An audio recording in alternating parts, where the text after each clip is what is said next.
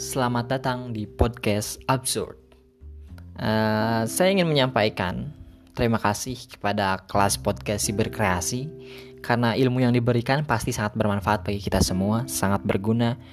Uh, mungkin karena nggak ada lagi yang bisa kita sampaikan, kita tutup saja seri podcast Absurd kali ini dan sampai ketemu di lain kesempatan.